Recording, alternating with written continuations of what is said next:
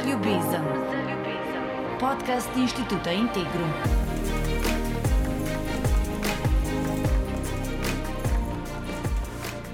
Pozdravljeni v 18. epizodi podcasta Pogum za ljubezen. Danes je moja gostja Maja Vreča, ki je zaposlena na Arnesu in sodelavka Centra za varnejši internet Safe.si.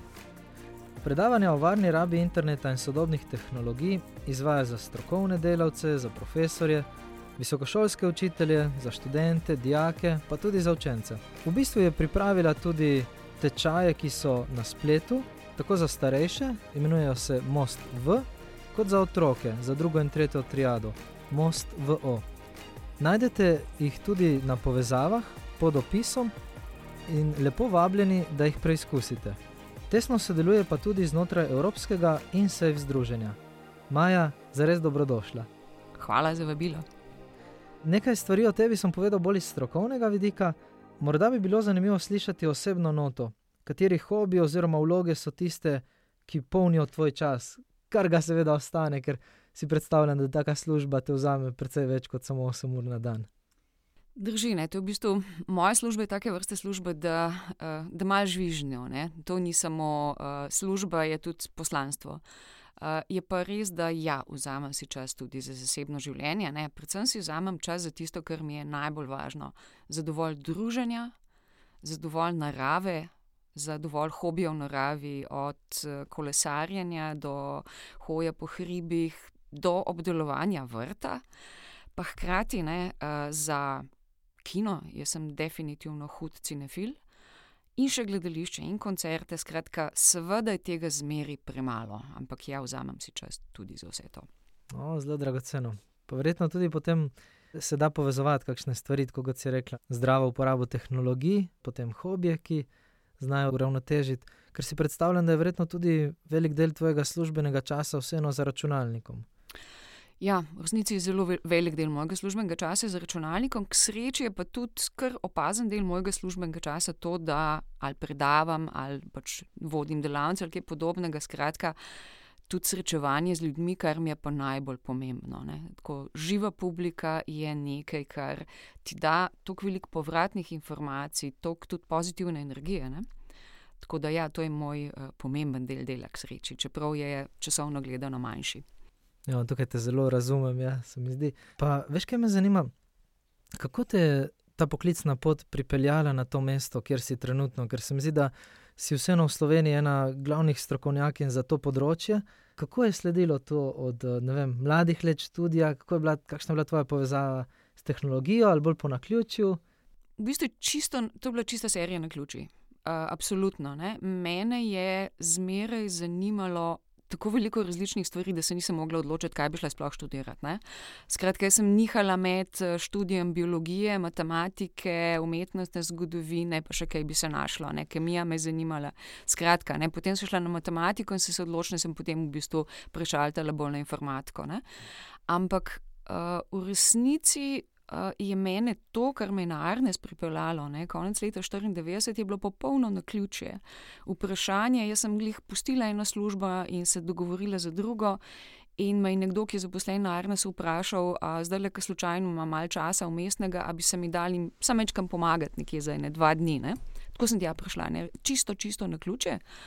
Uh, bila sem pa zmeri, uh, kjerkoli sem že bila v službi, sem na zmeri tisti, ki je bil pač ki ga je zanimalo tudi računalništvo, tako za zraven. Uh, Zabavali me zmeri in programiranje, še kaj drugega. Skratka, to mi je bil dodatni interes, ne? ampak ni, ni bila pa to čist moja poklicna usmeritev takrat. Uh, in začela sem na Arnesu kot pomoč uporabnikom, predvsem pa deklice za vse praktično. Samo od tajništva do financ, do še česa, pač vse, kar, kar je bilo treba upraviti. Ampak potem sem skozi to, da sem učila uporabnike, kako uporabljati internet. Najprej jaz sama, potem sem bila šef oddelka, kjer sem pač izobraževala druge in urejala pač bolj kompleksne zadeve. Ampak to me je pripeljalo s časom do tega, da pravzaprav enostavno je ljudi naučiti, kako uporabljati internet. Težji del je pa jih učiti, kako ne uporabljati interneta. In potem sem se s časom preusmerila v to skozi dolgoletne izkušnje pač z uporabniki. Ne? V čem se ti zdi, da je glavni trik v tem, da je težje v bistvu učiti, kako ne uporabljati? v uporabo smo zdaj pravzaprav že prisiljeni, uh, postala je enostavna. Vse, vse skupaj je pravzaprav samo še klikanje, bolj ali manj, ne? in odzivanje na nekaj. Ne? Postalo je to preveč enostavno celo. Po drugi strani smo pa strašno leni, ne da se nam razmišljati o tem, da s tem, ko mi avtomatsko klikamo, da pravzaprav smo izpostavljeni še marsičemu drugemu. In da bi morali ne razmišljati, ne, se malo nazaj nasloviti, pa razmisliti, kaj klikamo, kako klikamo, kaj dopuščamo, kaj delimo. Lenoba je glavni odgovor, preleni smo. Kaj bi bili prvi koraki, ki bi jih ti spodbudila pri nekom, ki recimo posluša, pa se zaveda, da morda kakšni načini uporabe niso najboljši, prav morda z tega vidika no, zavarovanja sebe oziroma pri sebi nekih premikov, ki pri recimo poprečnem uporabniku lahko naredijo kakšen korak v pravo smer. Jaz mislim, da bi se predvsem morali začeti malo zavedati tega, da je odrekanje zasebnosti na internetu odrekanje varnosti. Čisto enostavno.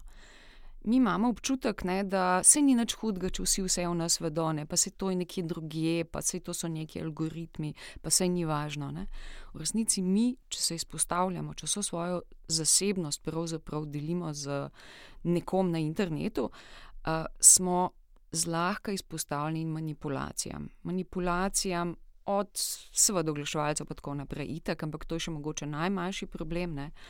Ampak tukaj gre tudi že za politične manipulacije, tukaj je šlo za zlorabe te vrste, s tem smo bolj izpostavljeni zlorabam strani prevarantov. Skratka, zavedati bi se morali za začetek, da zasebnost na spletu je nekaj čisto drugega kot zasebnost v realnem svetu. A daš morda kakšen primer, ko, ko recimo si, si nekdo reče, ah, sej, o meni pa tudi, če vedo, se nisem nek uh, predsednik države ali kaj takega. Ne? Zakaj je dobro, da, da tudi, vem, običajen državljan, kakorkoli, se zaveda pomena te varnosti in tega, kaj deli na spletu in kaj ne?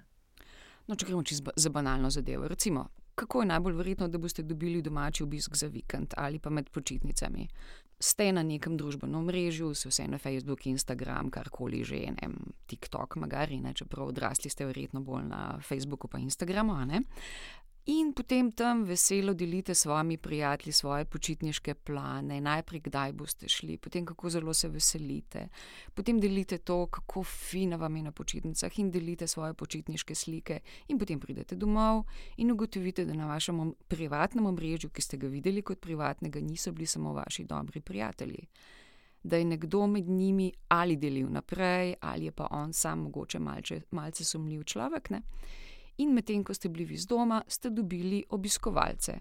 In ne samo, da ste dobili obiskovalce, ampak so celo sosedi vas pomagali seliti, ker so selilci, ki so prišli med vašimi počitnicami na obisk, vsem sosedom povedali, kako ste vi na počitnicah v vrsari, kako fino se maste, kako je vaša hčerka Pija zelo srečna, da se je končno naučila dobro plavati in tako naprej. Skratka, vse te zadeve omogočajo zelo enostavno zlorabo malo pomislite na to. Spravi tudi take stvari, ki na prvi pogled v bistvu so nepomembne, lahko prinesejo do precej hudih posledic. In verjetno so tudi realne situacije v Sloveniji, ki se dogajajo. Ne? Ja, ja, ja. tole ni bil teoretičen primer. Jaz ne govorim o teoriji, govorim o veliko praktičnih primerih, ko se je na tanko to zgodilo, ne samo pri nas, ampak povsod po svetu. Ne?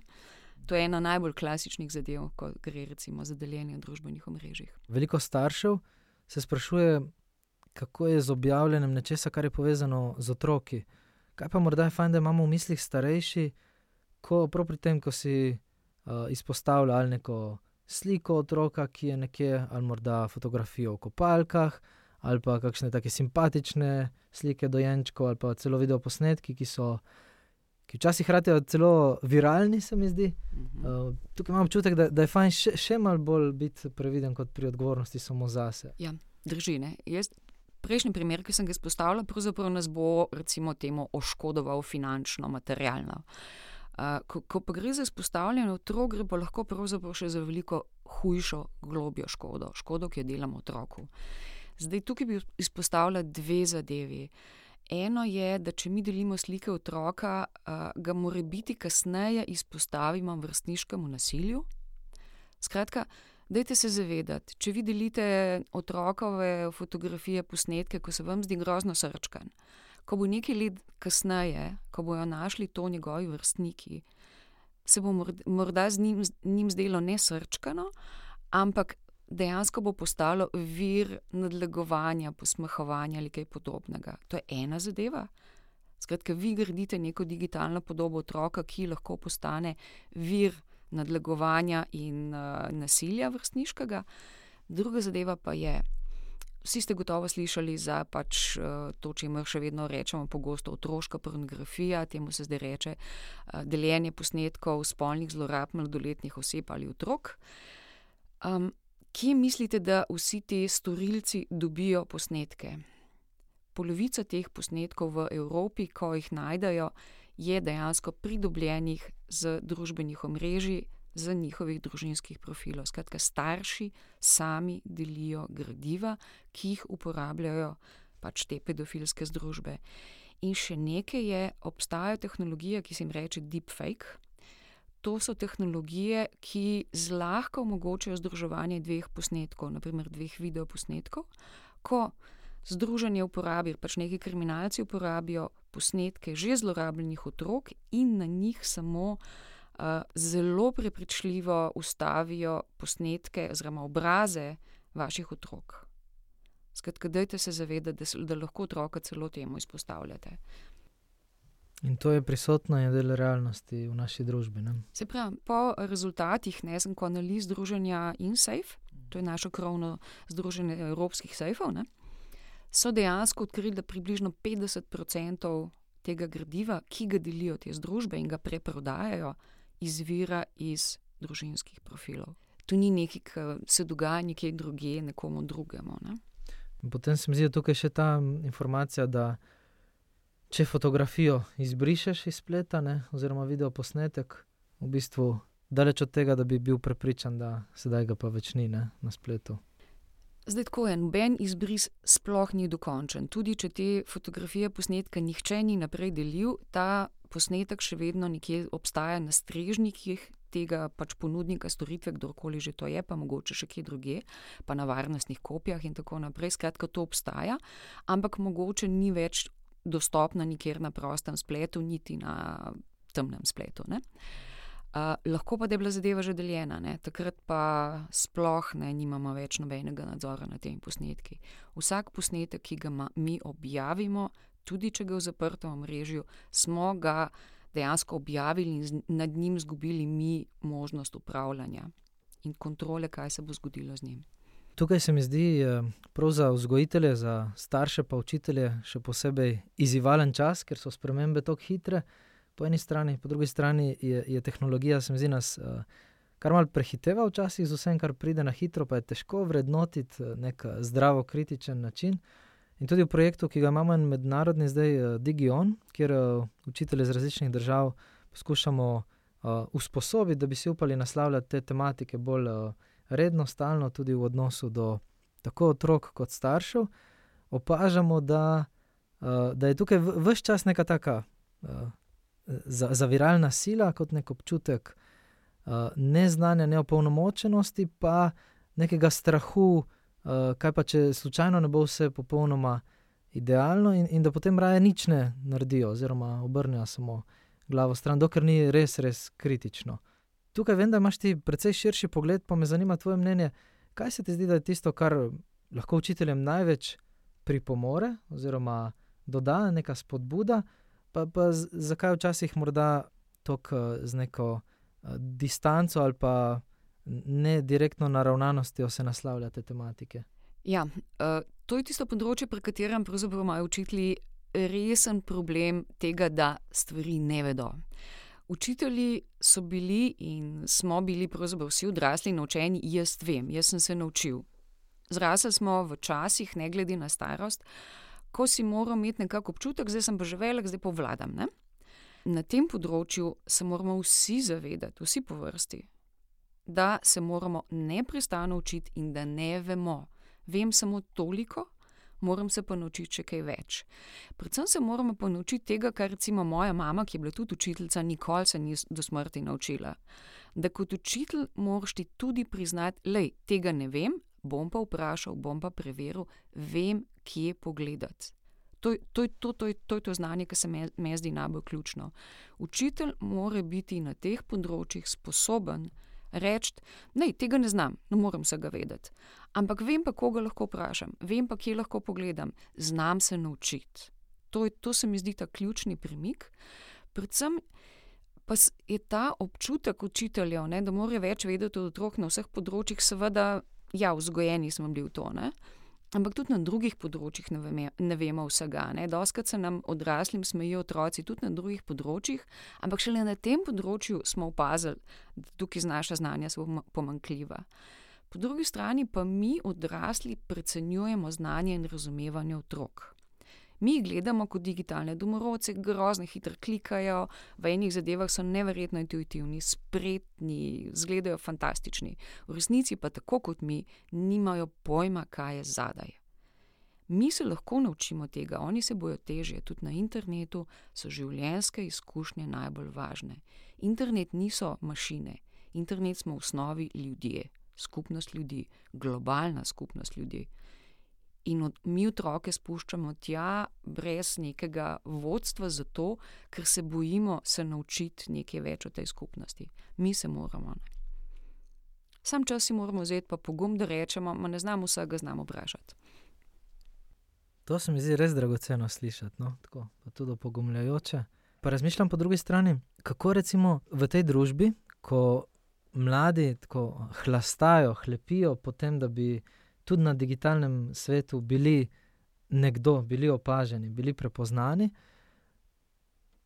A imaš kakšen nasvet za to vlogo staršev, predvsem, no, kako dozirati, kako jih uvajati, ker si rekla, da to spremstvo včasih zmanjka, oziroma prehitro so potopljeni v ta svet in uh, se učijo plavati ob vseh nevarnostih, ki tam prežijo, brez da bi se jih zavedali, vsaj v, maj, v majhni meri.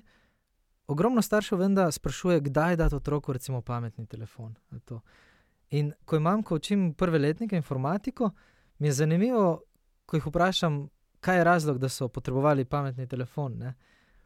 In, in v bistvu, bolj ali manj vsi odgovori se jih da strniti v enega samega, samo družba, samo so vrstniki, samo to pritisk, da so imeli vem, na Snapchatu eno skupino in da njih ni bilo zraven, so jih poje zafrkavali ali pa, ali pa kaj podobnega na ta način kaj morda bi, bi svetovali ali pa usmerili ali pa dali kot neko misel za, za razmišljanje, za delovanje na tem področju staršem najprej. Zdaj, začela bi s smernicami. Ne? Jaz sem bila v letu, pač konc leta 2019 smo začeli, pa v letu 2020 dokončali v času korone preko Zuma, ne, to je bilo najbolj noro. Ne. Vsake večer smo dobili se na Zumu, ne, ker pač je bila korona in se ni dalo drugače. Uh, Uh, in smo z neko strokovno skupino, ki so jo vodili pediatri v, v, in je bila pod okriljem zdravniške zbornice ustanovljena. Uh, to je bila strokovna skupina, ki je vključevala pedopsihologe, pedoneurologe, strokovnjake za pač razvoj uh, oči in tako naprej. Skratka, širo, široka skupina in tudi uh, zadnji strokovni ljudje, ki so nam pomagali. Mi smo z to skupino naredili neke res dobre smernice. Ne? in to smernice celo v času korone, ko so se stvari spremenjale. Toplo priporočam, da si jih pogledate in seveda jaz računam, da bo tukaj le spodaj tudi link. Bo, bo. bomo potrudili. Skratka. Uh, to je zdaj, kar se tiče čistih operativnih, tehničnih. Tam, glede na starost otroka, kakšne vsebine in tako naprej. Res je dobro razdeljeno. Ampak to, kar bi pa jaz najbolj izpostavljal, je pa to, z majhnim otrokom, do drugega leta otrok ne rabi toplo cvetovano, kakršno koli izpostavljanje zaslonom. Pika. To so priporočila strokovnjakov, ne moje, pri, priporočila strokovnjakov za razvoj otroka. Uh, kasneje pa, ko so otroci mlajši, bodite z njimi. Bodite z njimi, bodite z njimi tako, kot jih držite, ko greste čez cesto za roko, bodite z njimi tudi v tem velikem odprtem svetu. Skratka, to ni, to ni varuška. To ni varuška, ne, absolutno ne. Skratka, to toplo, toplo svetujemo, zaradi pač se jih pravim, najbolj da pogledate smernice, ker tam je tudi res razloženo, zakaj. Ne samo kaj. Uh, ko so otroci starejši, Pa seveda, ne, morate jih naučiti, kako se znajdejo sami v tem svetu. Skratka, začnite skupaj z njimi, nadaljujte pa tako, da imate redne pogovore z njimi, ne en sam poglobljen pogovor o internetu. Tako, kot ti vprašate, kako je bilo v šoli, kaj si kaj danes počel in tako naprej. Internet je ravno tako pomemben del njihovega življenja. Pogovarjajte se z njimi, ker s tem boste njihov sogovornik, naučili se boste vi kaj več o internetu, zvedeli boste, kaj tam kaj počnejo. In če se jim kaj neprijetnega zgodi, se bodo obrnili na vas, ker bodo vedeli, da je to področje, ki vas zanima, o katerem se lahko z vami pogovarjajo. To je izredno pomembno. Kar se pa tiče, kdaj mobiteli, kdaj smartfoni, kdaj pametni telefoni, ne smartfoni, jaz jim rečem, ker pametnjakoviči. Ja, seveda, čim kasneje, a ne, ampak je mal problem zmeraj, ker imate zmeraj pritisk, vsi že imajo. Tudi prvi v razredu reče, vsi že imajo v razredu, ne? Zadnji pa itak reče, vsi že imajo v razredu. Um, otroci vas pač, dajte se zavedati, pri tem vodijo za nos, ne? ker so pod družbenim pritiskom. Um, če ste v skupnosti, kjer je to možno, dajte se pogovarjati z ostalimi starši. Če, ste, če imate stik z ostalimi starši, dajte se pogovarjati, naj sem ko in tudi jim razložiti, zakaj je dobro kasneje. To je možno. Ne? Starši ste pravzaprav tukaj žrtve tega, da vas otroci za nos peljajo. Poskušajte se temu izogniti. In kar mi je zanimivo, se mi zdi, to, da otroci dosti hitro pokapirajo, da se morda pa ni bilo najbolj, da so tako zgodaj dobili. Ne? Ker ko se pogovarjam s prvimi letniki in, in vedno delamo vprašanja, tako, kdaj ste vi dobili pametni telefon in kdaj bi ga vi dali svojim otrokom. Je vedno tisto starosti, kasneje, je poznaj, kot so ga sami dobili. Ja, pa ne samo to. Uh, na Sejfu smo v lanskem letu naredili eno široko anketo med uh, zadnjim triletjem, otroki zadnjega triletja osnovne šole in srednji šolci. In v tej anketi se rezultati so bili vsebinsko gledano pričakovani, ampak številke, procenti so bili pa veliko hujši, kot smo domnevali. Vprašanja so le povezane z uporabo, s težavami uporabe, z nasiljem in podobnim. In kar smo recimo ugotovili, je, da je 66% in os, osnovnošolk zadnjega triletja in 68% srednješolk je reklo, da so se že večkrat želeli od, za nekaj časa sneti z interneta, dati pametni telefon nekam stran, ampak se tega ne upajo narediti, zaradi tega, ker se jim bojijo, kaj se jim bo zgodilo za hrbtom. Zakaj izpostavljam dekleta? Pri dekletih so številke veliko više. Tudi fanti so vsem tem zadevam izpostavljeni, ampak nekoliko manj. A se pa mogoče manj zavedajo. Ne? 75% srednješolk je reklo, da so kronično neprespane zaradi pretirane uporabe družbenih omrežij, da se tega zavedajo in da jim ni všeč. Uh, nasilje so izredno izpostavili. Ena tretjina srednješolk je rekla, da si želijo v kratkem, skratka, da bi želeli imeti plastično operacijo, ker zaradi tega, kaj vidijo na družbenih medijih, kako vidijo ostale ljudi, se ne počutijo da so v redu, ne? da bi rabili vse malo, mislim, ena tretjina si dejansko želi plastičnih operacij, tudi ostale nekako izjavljajo, da se ne počutijo, da so dovolj lepe, ne? da je treba nujno uporabljati vse te filtre, slike in podobno, ne? da se sploh upajo pokazati na internetu. Skratka, otroci in mladostniki sami opažajo negativne posledice, ampak jim niso kos. Mi moramo pomagati, mi moramo stati ob, stani, ob strani ker dejansko ne vedo, kako bi se iz tega izvili. Ravno prebiramo eno knjigo Ukradena pozornost in se mi zdi, da notor v redu naslavlja to, kako je nujno tudi sami zase. Se mi zdi, uh, ko, ko govoriš o otrocih, zagotovo so oni največje žrtve ali pa najhitreje napadeni tudi, ampak občutek imam, da tudi. Odrasli drsimo zaradi nekega občutka ugodja ali nobe, kot si prej izpostavlja, v, v veliko krat v nezdravo, prekomerno uporabo. Um, in tukaj to, kar naslavlja v knjigi, je, da ena stvar, eno veliko in bistveno področje v bistvu je, je to, da se zavedamo, kaj lahko naredimo. Kaj je pametno deliti, kaj ne, koliko časa porabiti, kdaj da telefon stran, na kakšen način ga uporabljati. Ampak da ne smemo pozabiti na drugo področje, na to, da dejavno tudi prisostujemo tako ali drugače pri tem, v katero smer bo šel sistem uporabe digitalne tehnologije. Ali kot si prej izpostavljal, v neki družbi staršev, prijateljev, vem, ki so um, povezani z otrokom prek sovrstnikov, ali prek uh, morda službe, ali drugače, ko se pogovarjamo. Ampak se mi zdi tudi eno drugo področje, tebi je verjetno tako bliže tudi zaradi službe, pa ker si, si na takem delovnem področju, tudi v sodelovanju z NJZ in podobno. Ampak se mi zdi, tudi drugi imamo odgovornost, da na te stvari potem opozarjamo, oziroma se sprašujemo, pa tudi kdaj izpostavimo, kje, kjer ni najbolj ugodno izpostaviti. Tako občutek imamo, da ta sistemski vidik je tudi nekaj, kar, za kar smo soodgovorni. Jaz bi tukaj predvsem izpostavila vlogo staršev za začetek. Seveda, pol bom tudi vlogo učitelja, ampak starši, dajte se zavedati, da ste vi prvi zgled otroku. In dajte pomisliti, kakšen zgled ste. Dajte pomisliti, kako vsakič, ko nekdo potegne v vaši bližini pametni telefon iz žepa, vi naredite isto. Da kamorkoli pridete, ko se usedete za mizo, potegnete pametni telefon iz žepa in ga daste na mizo. Sporočilo je že samo s tem neverjetno močno, niste naredili česar. Samo vzeli ste eno ploščico iz žepa in jo postavili z obrazom obrnjeno dol. Ampak to sporočilo je izredno močno. Kaj s tem sporočate? S tem sporočate vsej okolici, ta zadeva mi je veliko bolj pomembna kot vsi okoli mene. To je moj dojenček. To je tisto, čemu se bom posvetil, tisti hip, ko pipne. Ko se bo nekaj zgodilo, ali se nič ne bo zgodilo, bom hotel nekaj pogledati, bom začutil potrebo, da ga pobožam, bom to naredil. Skratka, mi smo zelo, zelo slab zgled. Ne? Recimo, še izpred koronskih časov je bila neka analiza, ki je ugotavljala, da poprečni uporabnik, v, mislim, ogromna, eh, pač eh, velika anketa, ne, da poprečni uporabnik v ZDA uporablja telefon dnevno 4 ure in pol in se v tem času 2617 krat dotakne zaslona. Koliko krat pobožamo kaj drugega na dan? In mi nismo dosti drugačni s korono, še, se še poslabšali. Ne? Skratka, mi smo v bistvu zelo slab zgled. In zakaj to delamo?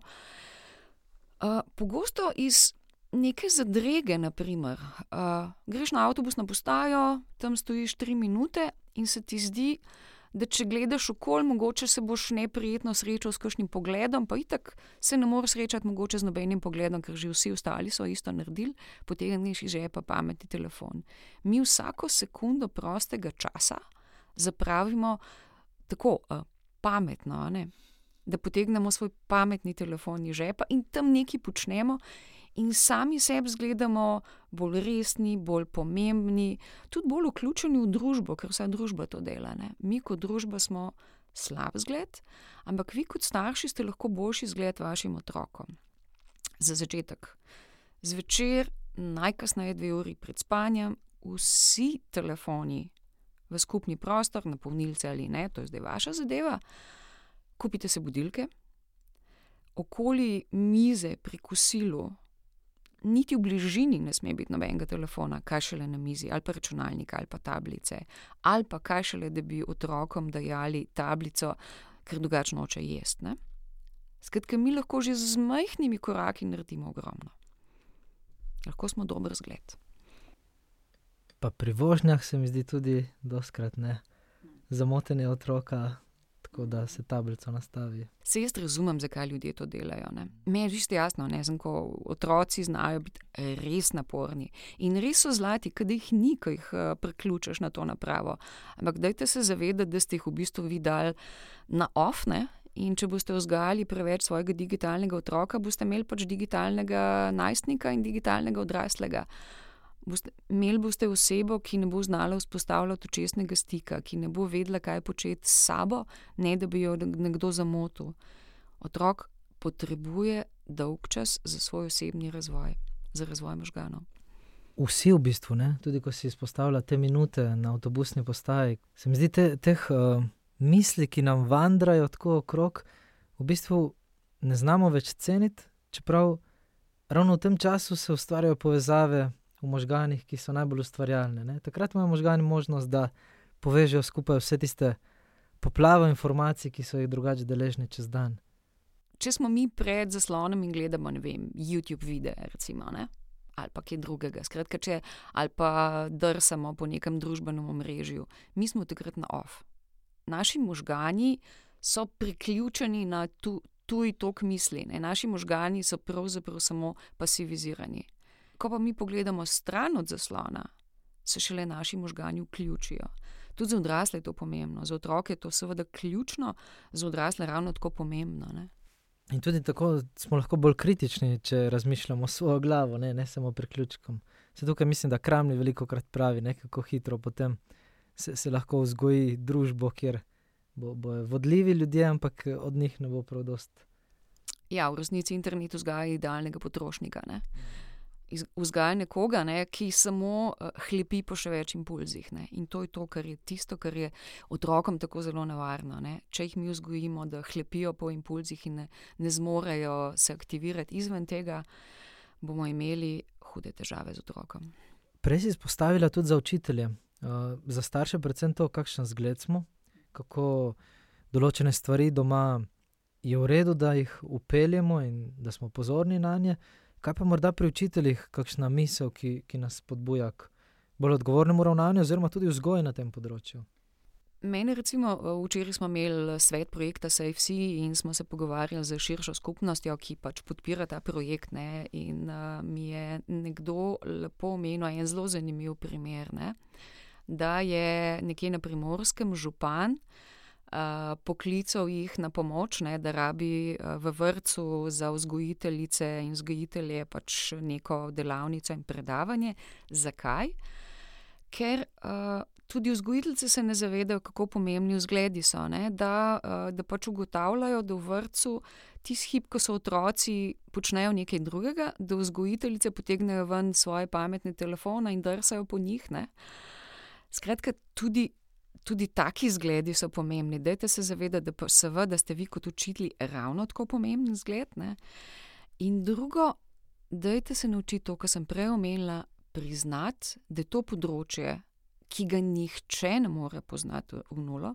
Jaz, recimo, non-stop berem, jaz vse čas berem, vse čas se učim in vse čas ugotavljam, da zaostajam, vse čas lovim, ne, skušam pač ugotoviti, kaj se zdaj dogaja, ampak to je ogromno ta sposobnost, da priznaš, tega ne vem, vem pa vprašati, znam se pozanimati, znam se naučiti, je zlata vredna. Tega se morate na tem področju naučiti.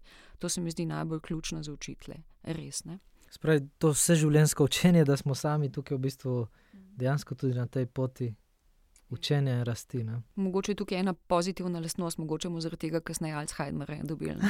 pa digitalna demenca, ne? tudi ja. morda kasneje, ja. če, če so aktivni naši možgani.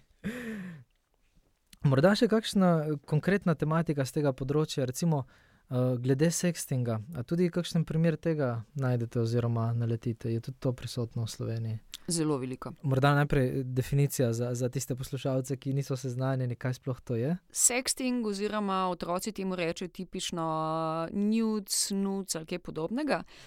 Tukaj gre za to, da, se, da si pač otroci in najstniki, odrasli in vsi ostali, razpošiljajo bolj ali manj razgaljene slike med seboj.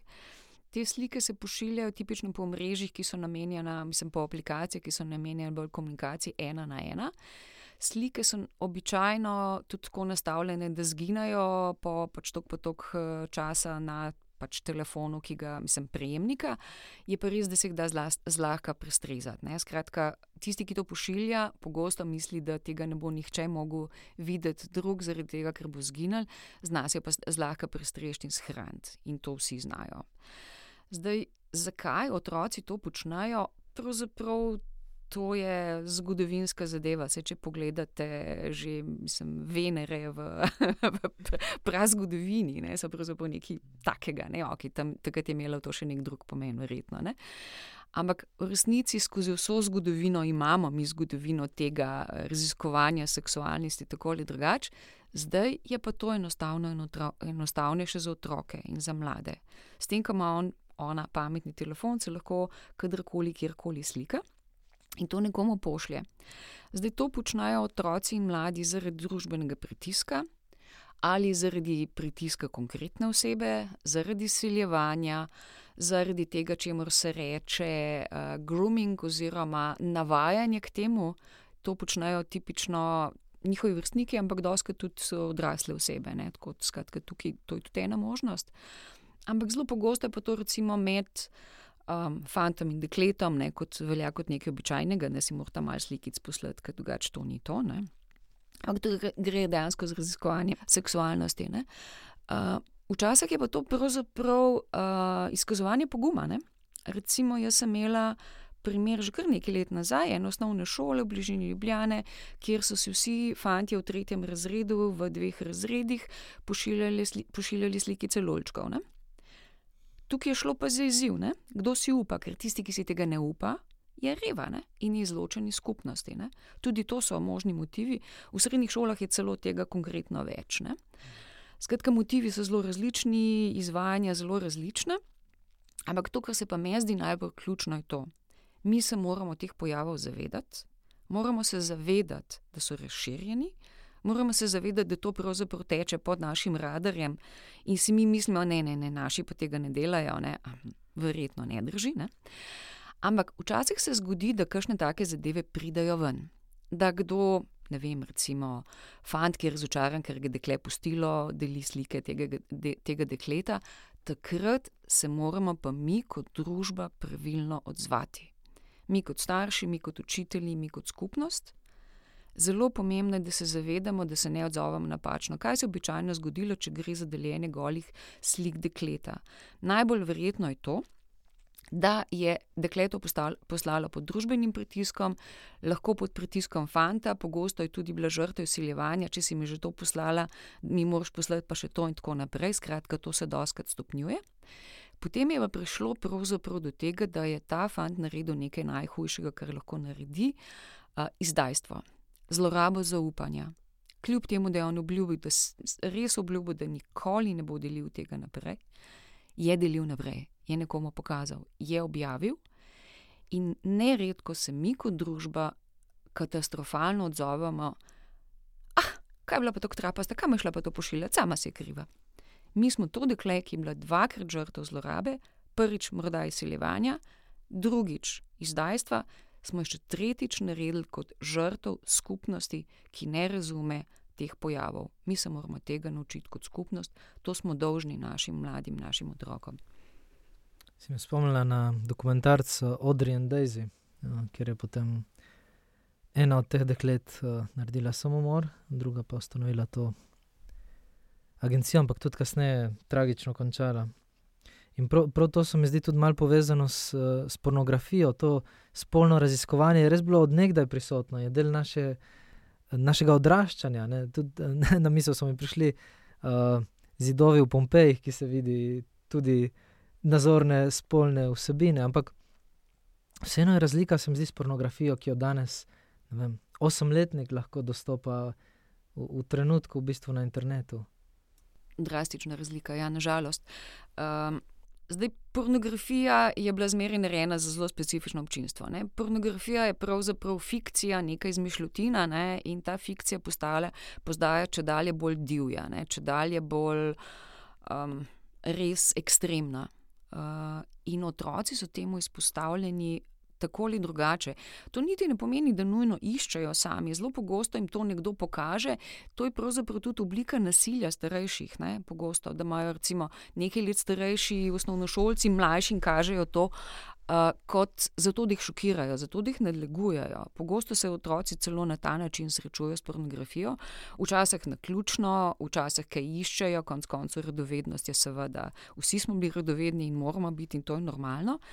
Problem so pa pravzaprav bolj oblike te pornografije, ker so res ekstremne in ker pač občinstvo to želi. Ne? Ampak um, mi moramo se nujno, nujno z otroki o tem pogovarjati. To se mi zdi najbolj ključen na svet za vse odrasle, za starše, za stare starše, za starejše sorojence, učitelje.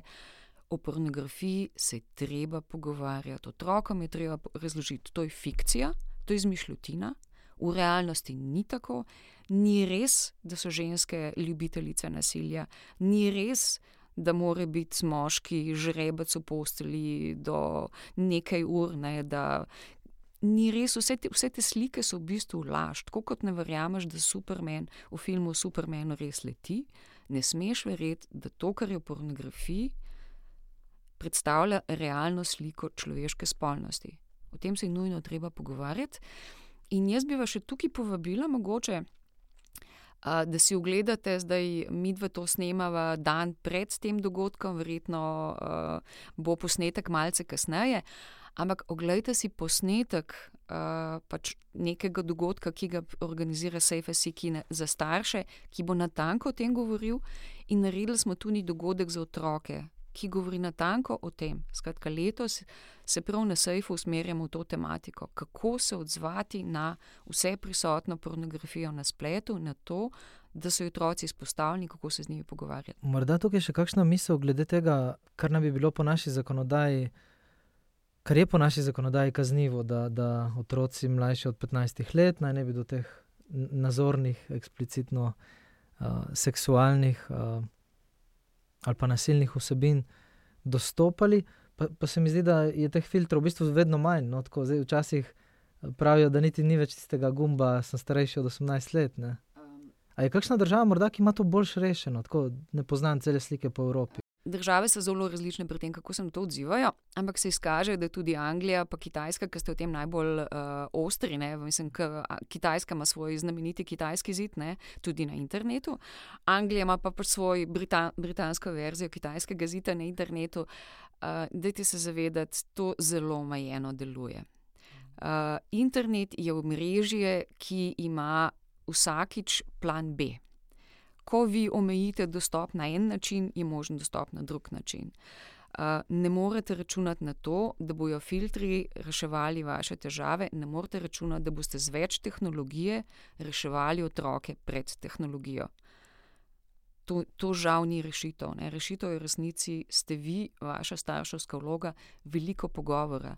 Tudi z otroki se pogovarjate, kaj pravzaprav je škodljivost pornografije za njih. Ne. Ker pornografija, pravzaprav se tipično večino otrok tega ne mara.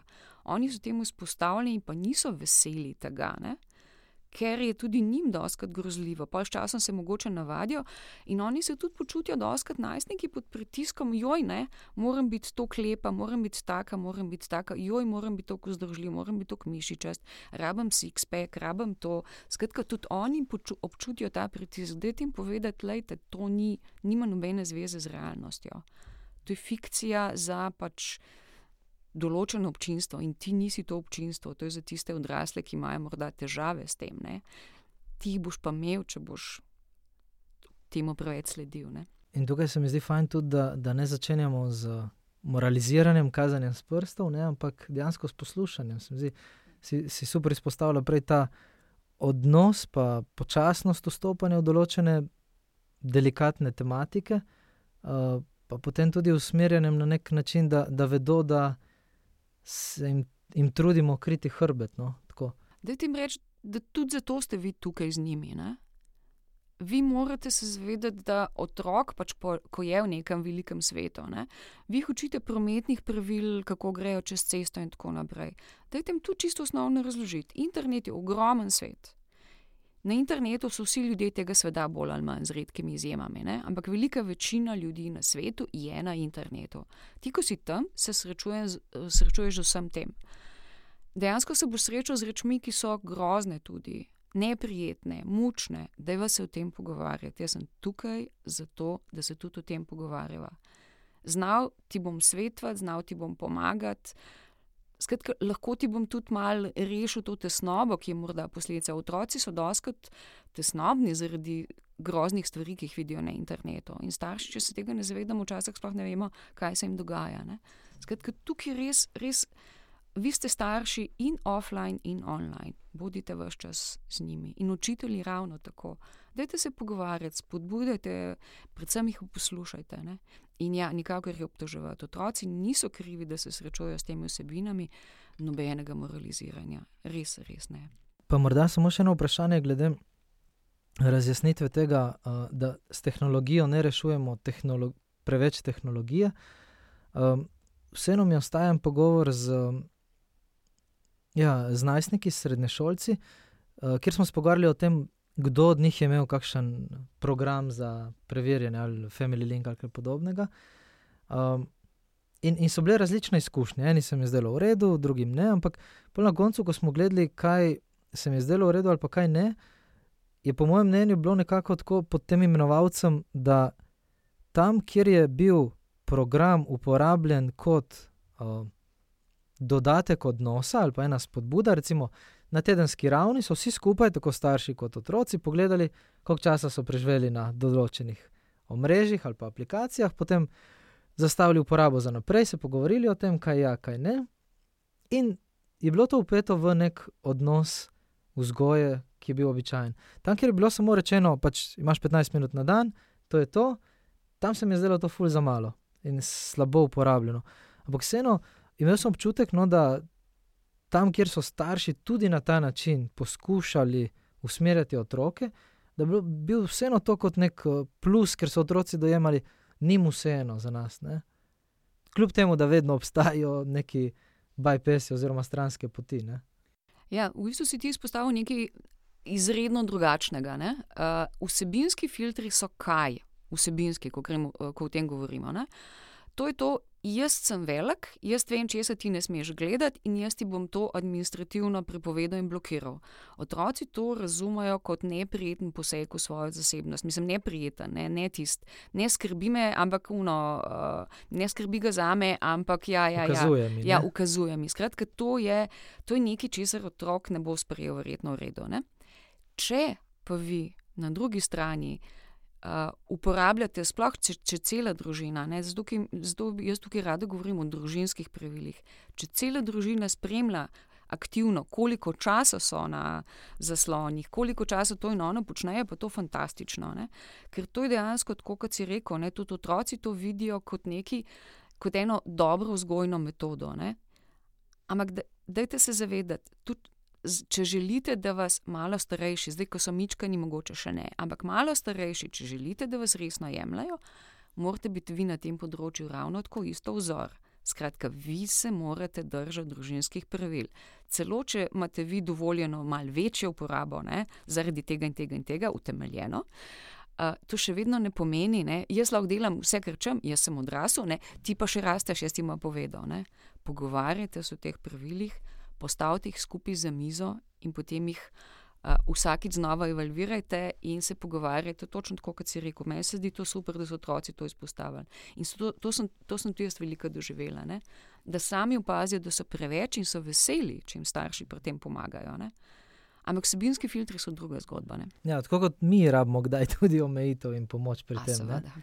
Res so mi dragocene tematike in bi, bi želel še marsikaj poglobiti, izpostaviti, ampak imam občutek, da, da je kakšno podrobnost fajn, da pustiva še za eh, kdaj prihodnič. Pa morda bi samo te povabil k kakšni zaključni misli, čemu, kar ti odmeva od zadnjega časa, ali pa kar se ti zdi tako fajn, da ponovno poudarjava, no, da izpostaviš tukaj ob koncu tega najnega pogovora kot eno spodbudo ali za starše ali učitelje.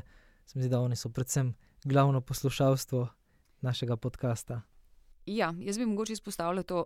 Mi, slovenci, smo radi ali najboljši v ekstremnih športih ali čem podobnem. Ne? Tam, kjer pa ne moramo biti najboljši, smo pa strašno ponosni, če smo lahko najslabši v nečem. No, uh, žal vam moram povedati, da ne moramo biti strašno ponosni v tem, da bi bili najslabši na področju poznavanja uh, pač te, recimo, temu pametne uporabe novih tehnologij in interneta in naprav in tako naprej. Pri tem smo pravzaprav kot nacija relativno dobri in jaz mislim, da k tem pripomorete predvsem vi, učitelji. Skratka, mi smo še vedno uh, relativno visoko v evropskem povprečju, kar nad njim. Ne? Uh, skratka, ne smemo se v nič dajati, ogromno se moramo naučiti, seveda. Ampak ne izhajati iz tega, ne, da nimamo pojma. Ni res. V tem smo že zdaj relativno dobri, nadpovprečni. No, iskrena hvala tudi za to optimistično spodbudo na koncu, pa se veselim še kakšnega pogovora. Poslušalce pa res vabim, da odklikajo, prisluhnejo, se tudi učijo prek tvojih programov, oziroma prek vaših programov, pa tudi naprej, da nas spremljate in tudi sami sporočite določene tematike, ki bi jih želeli še poglobiti. Maja, najlepša hvala. Še enkrat, hvala za vabilo. Nasvidenje.